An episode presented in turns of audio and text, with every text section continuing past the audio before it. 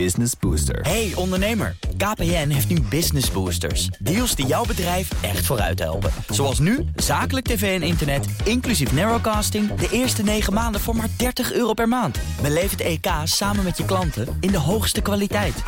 Kijk op kpn.com slash businessbooster. Business Booster. De BNR Techniek Tour wordt mede mogelijk gemaakt door Techniek Nederland. De makers van morgen. BNR Nieuwsradio. De BNR Techniek Tour. Thomas Schuurman. We hebben het twee weken lang over bits, zettabytes, servers. Datacenters zijn een belangrijke speel in onze data-economie. Dat hoorden we vorige week. Maar al die data levert ook nogal wat warmte op. Denk maar aan dat laptopje van je. Die fikt ook nog wel eens weg. We gaan het in deel 2 daarom hebben over koelen. Wij zijn altijd uh, best wel leading geweest in uh, sustainability en uh, groene, groene datacenters. Best wel leading, zegt Lex Koors van Datacenter Interaction. We zijn daar in zo'n serverruimte. wat je hier voor je ziet is koude gangkoeling. wat we doen, we sluiten... Zeg maar dus... een soort gang tussen de, de kasten. Ja, dus wat wij doen, we brengen de, de koude lucht tussen de, de, de klantenrekken naar binnen. En die is afgesloten, zodat je geen verlies hebt van uh, buiten en binnen. Naar eigen zeggen doet Koors dus veel aan verduurzaming. Dit datacenter waar we hier dan vandaag uh, zijn te gast is anderhalf megawatt. Als je dat maar 8760 doet, dan heb je de kilowatturen, of de megawatturen eigenlijk. Een datacenter verbruikt veel energie. Maar een gemiddeld huishouden ongeveer 4500 per jaar, hè, als je uitgaat van een uh, gezinnetje van uh, twee plus twee kindjes. Ja, dan heb je, als je kijkt dus in megawatten, want dat is eigenlijk wat dus waar een datacenter op uitgelegd wordt en ook zeg maar een energiecentrale is 1 megawatt is ongeveer 1000 huishoudens. Op tegelijkertijd uh, die dus uh, energie gebruiken. Mm -hmm. uh, als je dus kijkt naar dit datacenter is anderhalve megawatt. En als je kijkt dus, en dat is een ouder datacenter. Als je kijkt naar onze nieuwe datacenters, die zijn dus uh, 20 megawatt standaard. En als je kijkt naar uh, wat we doen in Parijs, daar bouwden we 84 of 83 megawatt datacenter. Dat is behoorlijk wat meer. Dat is heel wat meer. Dat heeft dus ook met de, met de, de markt te maken. En als je kijkt naar, naar de, de vraag. Naar de vraag. Ja, naar dit soort centra. Absoluut. En als je kijkt dus naar de, de, zeg maar de, de grote cloudspelers... die bouwen zelf datacenters van 100 of grote megawatt. In de vroegere tijd, een jaar of 10, 12 terug... dan was drie in totaal het nummer wat je nodig had... van de, van de, van de grid provider ja. om je datacenter te draaien. En tegenwoordig is dat ongeveer 1,2. Sterker nog, je kan in Amsterdam genees een vergunning krijgen als je die 1,2 niet haalt. Kan je niet eens meer bouwen. Ja, moet ook zeker in Amsterdam zijn ze er wel uh, pino op. Uh. Daar zijn ze echt toonaangevend in Europa. Dus wat dat betreft positief? Ik ben daar heel positief over, omdat namelijk um, sustainability... Kijk, we moeten toch ook iets achterlaten. Um, het is wel dat we... Niemand gooit zijn fotootjes weg. Dus het blijft eindeloos op het internet, blijft het allemaal rondhangen. Maar als je kijkt wat wij eraan kunnen doen... we kunnen onze efficiëntieslag maken. We kunnen naar uh, grondwaterkoeling gaan. Dat doen wij namelijk ook. Dus in plaats van dat we compressors gebruiken... die veel energie gebruiken... Uh, boren we 180 meter diep. zijn flink investeringen.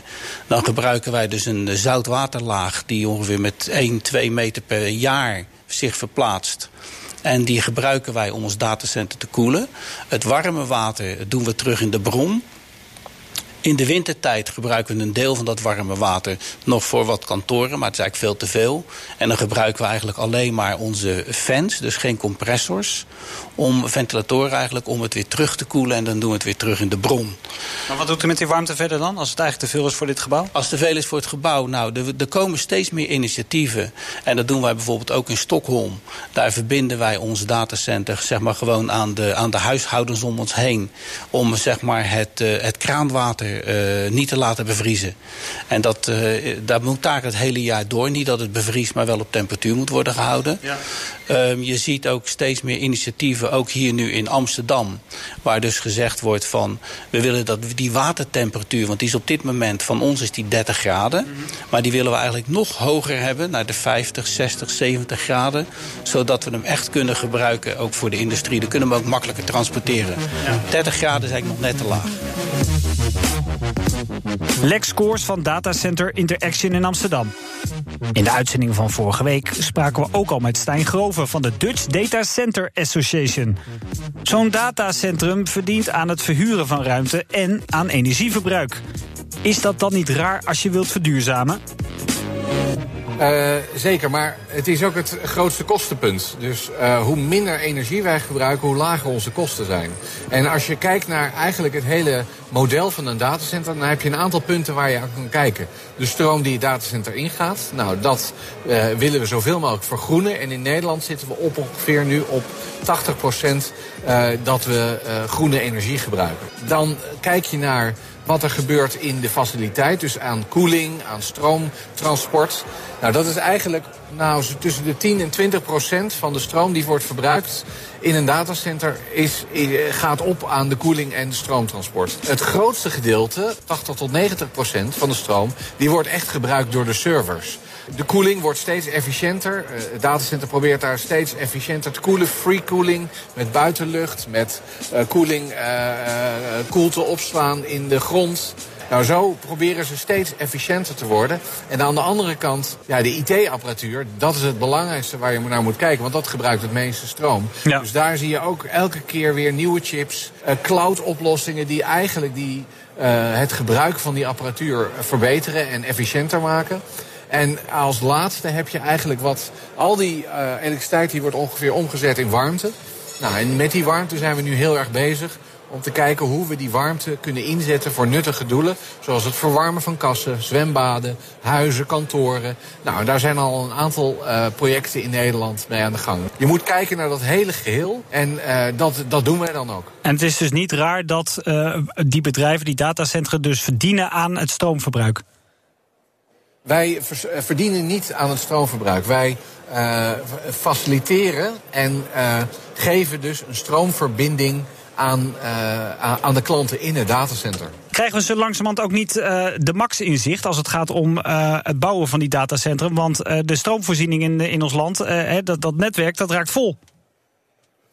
Nou, wat je nu ziet is dat er een aantal knelpunten zijn in het stroomnetwerk. Het klopt, uh, datacenters die concentreren IT. Doordat je eigenlijk al die IT in plaats van in je bezemkast van in je kantoor verplaatst naar een datacenter. Ja, krijg je dus op bepaalde plekken in Nederland heel veel uh, stroomverbruik. En dat uh, stroomnetwerk is daar nooit voor bedacht. Maar het stroomnetwerk is ook nooit bedacht voor de energietransitie. Dat, er, dat alles elektrisch gaat, dat alles, iedereen elektrisch gaat koken, is ook nooit bedacht. Dus je ziet dat daar wel wat knelpunten zijn.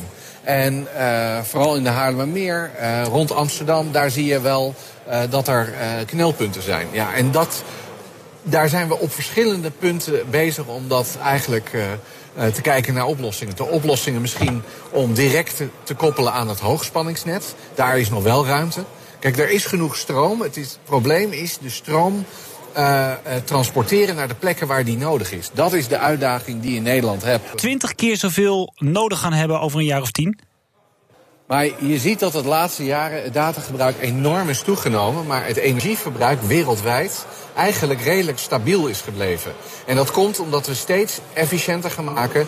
Dat je dus steeds meer bedrijven ziet die in plaats van eigen servers hebben waar ze hun administratie op draaien, uh, overgaan naar bijvoorbeeld Exact uh, of uh, andere AVAS-software. Waardoor je dus veel efficiënter en slimmer je energieverbruik managt. Als we het over Amsterdam hebben, hè, dan zien we dat het datacentrum daar net zoveel energie verbruiken als alle Amsterdamse huishoudens bij elkaar. Dat klinkt toch als ja, gigantisch veel. Dat klinkt als gigantisch veel, maar die stroom die wordt ergens anders niet meer gebruikt. Hm. Dus al die IT die vroeger dus op bedrijven stond, die staat nu in een centraal datacenter.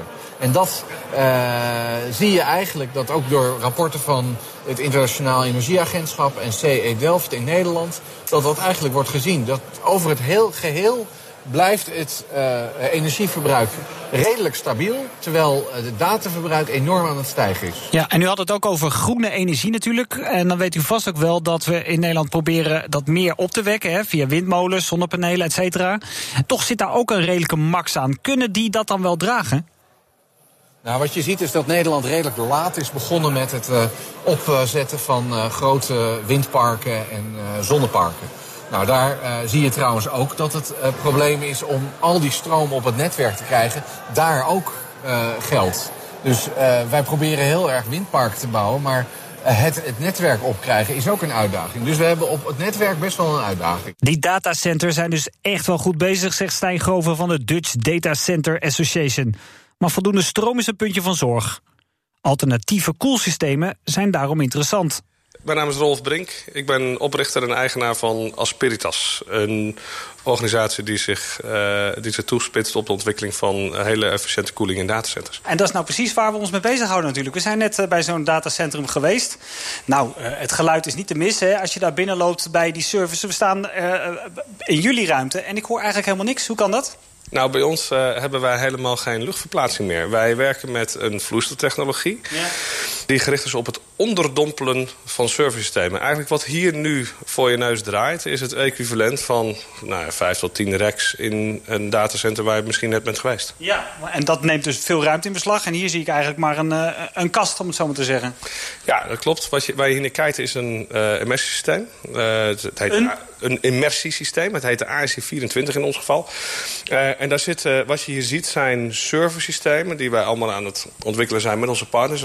Dit is een live omgeving waar je naar kijkt. En die servers zitten allemaal ondergedompeld in een die-elektrische vloeistof.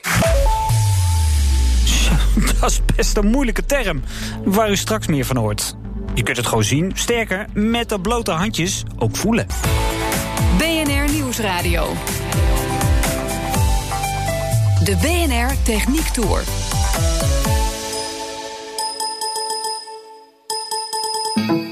Welkom terug. Datacenters moeten flink gekoeld worden, anders slaan servers op tilt. Met een datacatastrofe als gevolg. Dat koelen is wel een behoorlijke kostenpost en bovenal een energieslurper. We hoorden net al van Rolf Brink van Asperitas dat hij een alternatief heeft. Bij hem zijn servers ondergedompeld in een koelvloeistof. Die vloeistof... Die kunnen we ook zien? Ja, die kun je ook zeker zien. Uh, je, je mag hem ook even voelen als je wil. Dat kan dus. Zal ik daar even een doekje voor? Hand in de olie, gezellig. Wat moet ik doen? Je kan zo je hand ertussen steken en dan kun je voelen, dan kun je nu de warmte voelen die door die serversystemen geproduceerd wordt. Ja, dat voelt als, als warm. Ja, dat klopt. Niet als nou, heet trouwens. Waar je net je vingers in hebt gestoken is een temperatuur van ongeveer 60, 65 graden Celsius. Maar zo voel ik het niet. Nee, dat klopt. En dat komt... Wat dan had ik hem er wel uitgetrokken. ja, dat klopt. Nou, dat, komt, dat heeft een aantal redenen. In de eerste plaats, uh, wat, je, wat je denkt te voelen is net zoiets als water. Uh, maar het is geen water. Uh, het is een vloeistof, het is een synthetische olie. Niet te verwarren met mineralolie, want dat gebruiken we niet. Het is een synthetische olie, dat is een geproduceerde vloeistof. En die heeft ongeveer de helft van de warmtecapaciteit ten opzichte van water. Waardoor je maar... Je vinger erin kunt stoppen. Waardoor het langer duurt voordat je merkt, voordat je voelt hoe warm het is. Ja, dus als ik hem een paar minuten erin had gehangen, dan uh, was ik wel krijzend weggelopen. Ja, dan, had je, dan, dan, zou je de, dan zou je die temperatuur inderdaad wel voelen. He, die, uh, die temperatuur, uh, omdat wij met hele hoge temperaturen kunnen werken... ook met gewone huis- en keukenserversystemen... ook met de zware en nieuwste serversystemen... Uh, dat betekent dus ook dat wij hele hoogwaardige warmte... uit het systeem kunnen halen in waterstoppen. De vloeistof hier die wordt weer gekoeld met olie... Of, of uh, die wordt weer gekoeld met water, met een watercircuit. En veel datacenters hebben zo'n watercircuit liggen. Eigenlijk bijna alle datacenters koelen al met een waterinfrastructuur. Nou, dat kan rechtstreeks op het systeem koppelen. Alleen wij hebben de koude niet nodig die daar normaal gesproken doorheen stroomt. Mm -hmm. Wij kunnen namelijk koelen met temperaturen tot 50 of 55 graden Celsius. Ja. Dat betekent dat wat er uitkomt zo, uit zo'n systeem... kan oplopen tot, tot 60, 65 graden. En in sommige gevallen zelfs 70 graden Celsius. Als dat product... kan een win-win situatie zijn. Absoluut, want dat is namelijk een, uh, een waardevolle warmtebron. Als je het hebt over 70 graden Celsius, ja, dat, dat, is gewoon, dat heeft een financiële waarde. Dus wat we daarmee doen is, we proberen daarbij een, eh, iets wat, wat op dit moment uh, restwarmte genoemd wordt... En we houden niet zozeer van de term restwarmte. Wij willen het eigenlijk gewoon valoriseren, als in een waarde geven. Die datacentra zijn eigenlijk een enorme energieslurpers op dit moment. Dat hoeft helemaal niet zo te zijn. Nee, als je gaat kijken naar de besparing die dit, die dit teweeg brengt... Eh, enerzijds zit een deel van die besparing aan de serverkant... want we hebben geen luchtverplaatsing in die server meer nodig. Mm -hmm. servers zitten, va zitten vaak ventilatoren in. Nou, dat is een stukje energieverbruik wat wij niet meer zien in, in serversystemen in onze technologie. Mm -hmm. Veel fundamenteler is het dat wij dus die koelinfrastructuur eigenlijk helemaal niet nodig hebben... en daarbij alles wat ermee gepaard gaat. Dus wij hebben uh, te maken met een drastische reductie van het totale energieverbruik... om IT te faciliteren. He, dus dan kun je het in sommige gevallen hebben over meer dan 50% van de totale energiereductie van zo'n faciliteit. En dat bereik je Best lekker. Door, en dat bereik je door enerzijds uh, de servicesystemen te optimaliseren hiervoor... Maar anderzijds door, door veel efficiëntere faciliteiten. Ja, aan de andere kant, zo'n server die is dus doordrenkt uh, van de olie. Dat, dat klinkt toch altijd ergens uh, ja, onnatuurlijk als het ware? Nou, dat heeft eigenlijk ook een hele hoop voordelen. Dat is het leuke juist. Uh, doordat het ondergedompeld zit in die olie... komt er geen zuurstof bij, dan heb je geen oxidatie. Geen, geen zuurstof betekent ook geen ontbrandingsbronnen. maar je hebt ook te maken met een veel, kleinere, veel kleiner warmteverschil. dus thermische shock noemen we dat. Temperatuurverschillen die worden opgewekt door plotselinge toename van computeractiviteit. De rekencapaciteit. Het wordt constant. Ja, het is veel constanter. Die temperaturen zijn veel beter onder controle. Ja. Uh, aan de andere kant, olie, dat is een uh, ontvlambaar goedje. Uh, is het gevaarlijk hier waar ik sta? Nee, Absoluut niet. He, dus het is, vraag krijgt u heel vaak natuurlijk. Ja, er is een heel veel voorkomend misverstand. Uh, uh, het is een brandbaar product, maar niet vlambaar. Hè? Dus uh, het is niet een, uh, een brandgevaarlijk product. Integendeel. De, de brandtemperatuur die ligt ver boven de 300 graden Celsius. Er is nog zoiets als flashpoint, dat ligt ver boven de 200 graden Celsius. En dat houden we ook zo. maar dat zijn temperaturen waar je helemaal niet in de buurt komt. Stijn Groven van de Vereniging van Datacenters kent de techniek, maar is niet overtuigd. Ja, dat is een concept dat bestaat reeds 20 jaar. Dat is een heel goed concept. Alleen, het is niet echt praktisch. En dat heeft ertoe geleid dat uh, het eigenlijk nog uh, nergens wordt gebruikt. Dat kan in de toekomst zeker wel. Waarom Alleen, is het niet praktisch? Nu... Nou, het is praktisch omdat uh, als je dingen onderdompelt in olie en je daarbij moet zijn, is dat best lastig. En is dat beter als je apparatuur droog hebt staan in een kast. Je kan ook zien dat de koeling van die kasten eigenlijk ook al voor heel veel dingen uh, efficiënt genoeg is. En je ziet, een probleem is dat niet alle apparatuur is geschikt om in een oliebak onder te dompelen. Nee. En dat maakt het dus best lastig om en die uh, kasten en oliebaden tegelijkertijd te gebruiken. Want dat, ja, dat betekent uiteindelijk, op dit moment is alles ingericht uh, op, de, op de koelingsmanier met lucht. En dat werkt heel erg goed. Uh, wil je echt stappen maken, ja, dan zal je ook op dat gebied nog best wel wat uh, moeten doen. Uh, wil dat groot gaan uitrollen. Ze gaven zelf het voorbeeld van, laten we zeggen, een zwaard dat je in het vuur houdt. Hè, dan krijg je zo'n gloeipunt. als je ja. daar tegen gaat blazen, dan ben je behoorlijk lang bezig om dat af te koelen. Stop je het in een bak met water, dan is het patsboom klaar. Om aan te geven, ja. met blaastechnieken, met koeltechnieken, ben je lang bezig, kost een hoop stroom.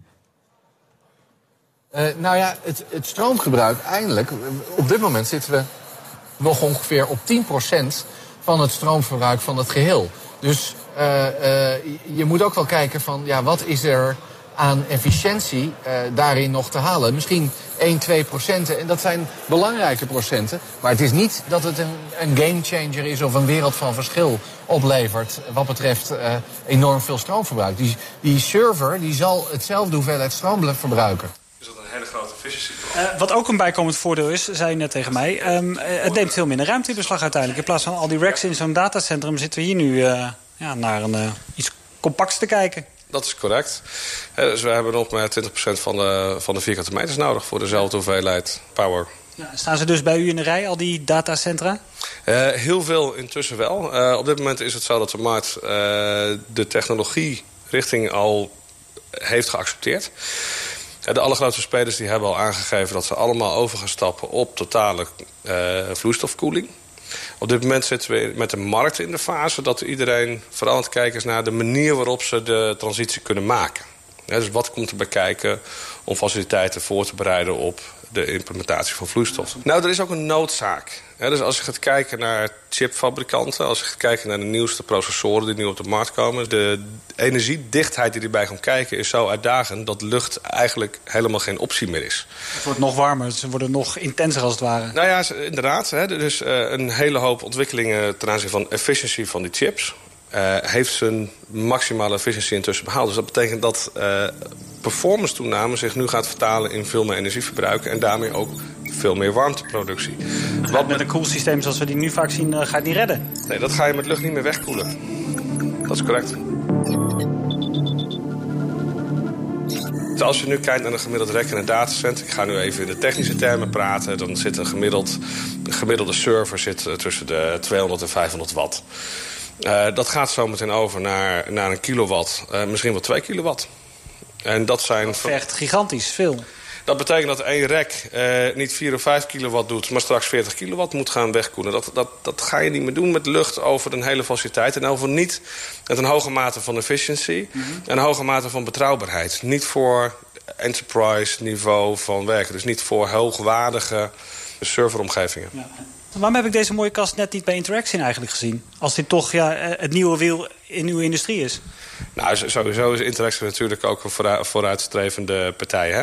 Uh, en we hopen natuurlijk op dat ze, dat ze gauw klant van ons worden. Maar de, in de hele industrie is er, is er wel een hele natuurlijke weerstand tegen verandering. En dat is ook heel logisch. Dat is natuurlijk een markt, marktsegment die zich kenmerkt door uh, uh, beschikbaarheid van IT-platformen. Als je geen WhatsApp kan sturen, dan... Ja, waar vooral ook helemaal niks, mag, niks mis mag gaan. Dus als je een hele dag geen WhatsApp kan sturen... dan is het, is het hele land toch redelijk oversturen. Dat is dan te wijten aan continuïteit van datacenters. Ja. Dus om continuïteit te borgen... Uh, is het heel natuurlijk dat je een weerstand hebt tegen verandering. Ja. Bestaande systemen werken, dus waarom zou ik het veranderen? Precies. En hier gaat het, hè, dus als je gaat kijken naar de ontwikkeling van deze, dit soort technologieën. De technische ontwikkelingen zijn allemaal gedaan. Hè, die zijn allemaal gevalideerd. En de hele markt is intussen al voorbij de acceptatie dat alles richting vloeistoftechnologie gaat. Wat er nu nog resteert is een hele natuurlijke uh, weerstand tegen het principe van verandering. Uh, waarbij vooral heel veel uh, gebrek aan kennis bijvoorbeeld een rol speelt... over ja, hoe verandert dan mijn situatie in mijn datacenter... hoe moet ik dan dingen anders doen. En dat is ook het type gesprekken wat we tegenwoordig vooral voeren. Hoe, maar je zit met die partijen wel op de tafel? Heel veel van die partijen zitten we inderdaad mee aan tafel. En daar, gaan, daar hebben we dus inderdaad over vraagstukken als... Ja, hoe kom ik nou tot het punt dat ik, met, dat ik deze vloeistoftechnologie kan uitrollen? Welke vloeistoftechnologie technologie is nou het meest van toepassing op, waar ik, uh, op, wat mijn problemen zijn? Dat is de type conversatie waar we het nu tegenwoordig over hebben. Dank Rolf Brink van Asperitas over zijn koelvloeistof winnende techniek. Daarmee zit deze tweeluik over datacenters erop. Op onze app of onze site zijn alle uitzendingen terug te luisteren. En volgende week zijn we terug. Dan gaan we bootje varen. Dan hebben we het dus over de techniek achter schepen.